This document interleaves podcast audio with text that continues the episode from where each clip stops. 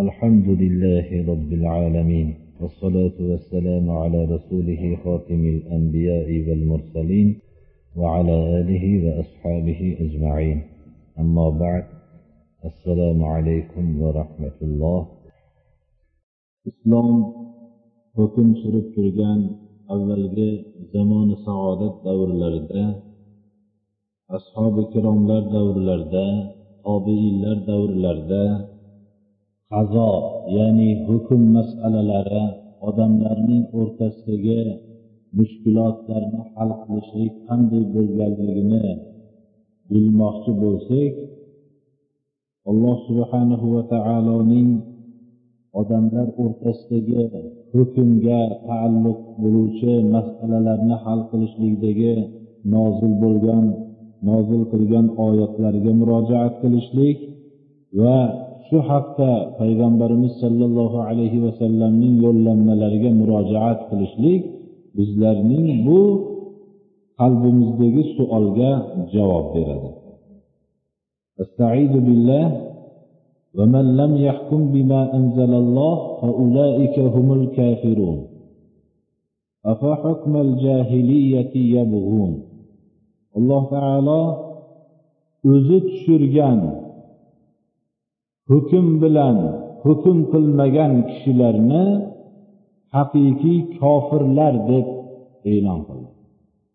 Va olloh o'zi tushirgan hukmlar bilan hukm qilmasdan boshqa hukmlarni o'zlarining mushkulotlarida hal qilishlik uchun istagan odamlarning haqqida johiliyat hukmini istashadimi deb ularga xitob qildi va shu haqiqiy hukmlarni bekitgan kishilar haqida qattiq bir vaid nozil qildi billah إن الذين يكتمون ما أنزلنا من البينات والهدى من بعد ما بيناه للناس في الكتاب أولئك يلعنهم الله ويلعنهم اللاعنون biz tushirgan ochiq hujjatlarni hidoyatni odamlarga biz bayon qilib berganimizdan keyin deydi alloh taolo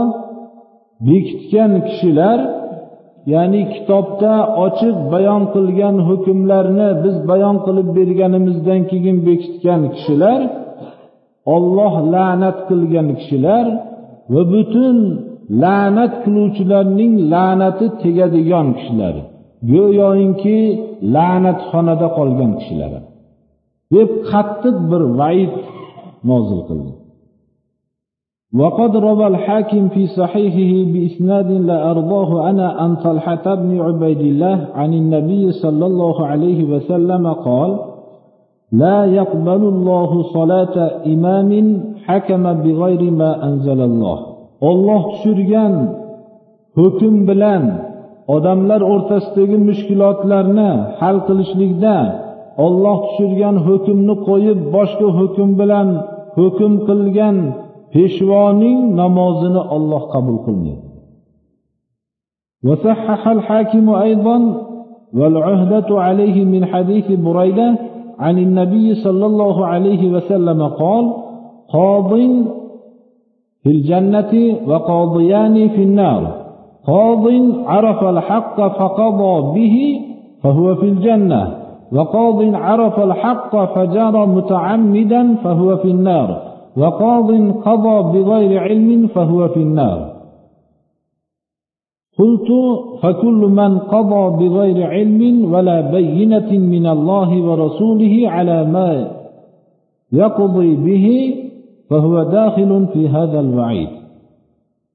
Payg'ambarimiz sollallohu alayhi vasallamdan oxirgi roviy burayda roziyallohu anhu bu kishi rivoyat qiladilarki uchta hukm qiluvchining bittasi jannatda ikkitasi do'zaxda dedilar. Haqni bilib haq bilan hukm qilgan odam shu hukm qiluvchi shaxs jannatda dedilar. Haqni bilib haqniga zulm qilib qasddan zulm qilib shu haqni bilan hukm qilmasa bu do'zaxda dedi.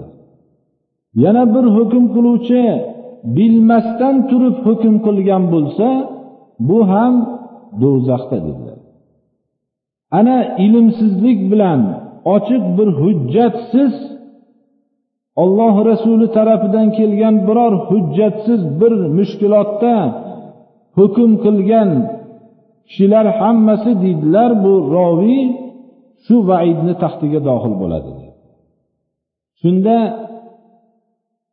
savol qilingan ekanki bu hadis sharif aytilingan vaqtda payg'ambarimiz sollallohu alayhi vasallamga ashoblar tarafidan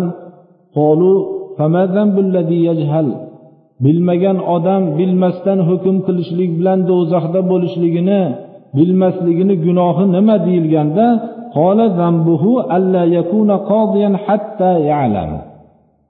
uni aybi shuki gunohi shuki bilmasdan turib odamlarni o'rtasida hukm qilish mansabini tanlaganligi degan ما من أحد يكون على شيء من أمور هذه الأمة فلا يعدل فيهم إلا كبه الله في النار bu ham hadis shariflardan shu islom millatini biror ishiga bir kishini bosh qilingan bo'lsa shular o'rtasida biror mushkulot bo'lgan bo'lsa shu mushkulotni to'g'ri hukm qilmagan bo'lsa adolat bilan hukm qilmagan bo'lsa olloh uni do'zax o'tiga betimchasiga yiqitadi degan ana bunday hukmlar to'g'ri kelib qolgan vaqtda hech kimni rioya qilmasdan o'zi haqni rioya qilib aytilishlik kerak ekan.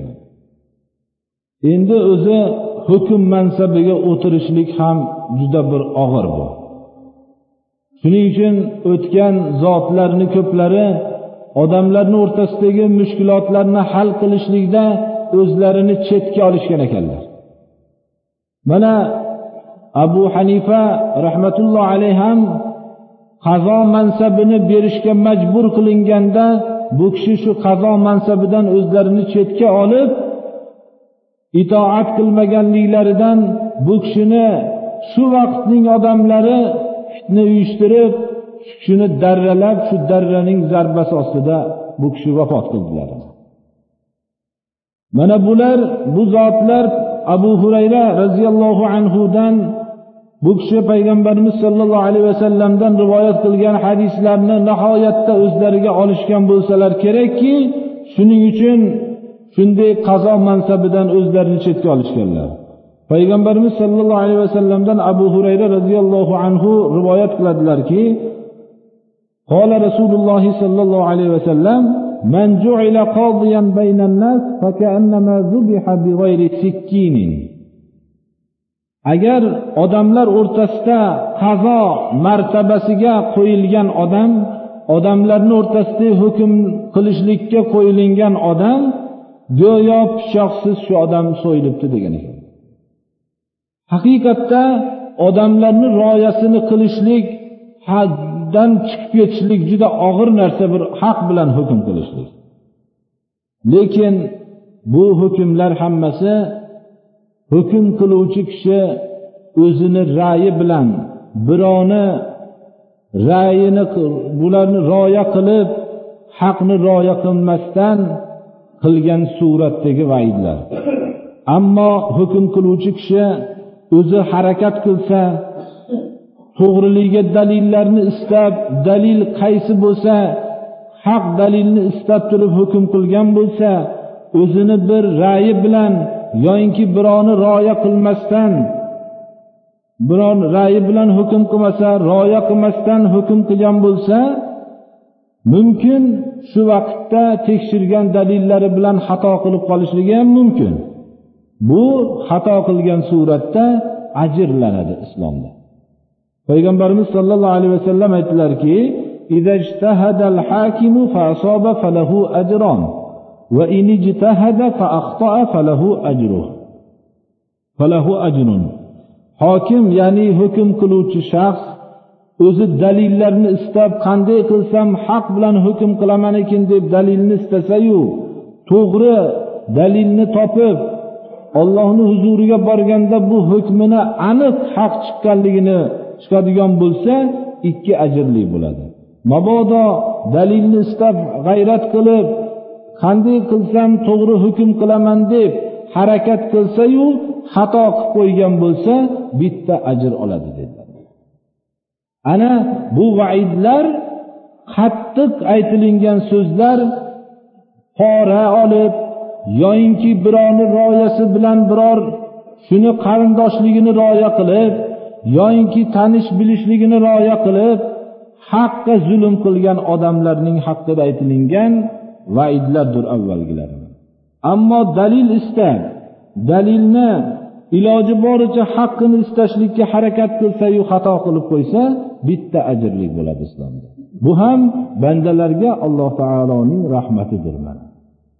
Alloh subhanahu va taolo mana bu hadislarni o'qib berishligim sabab hozirgi olamni ham bir taqqos qilib qo'yinglar birodarlar.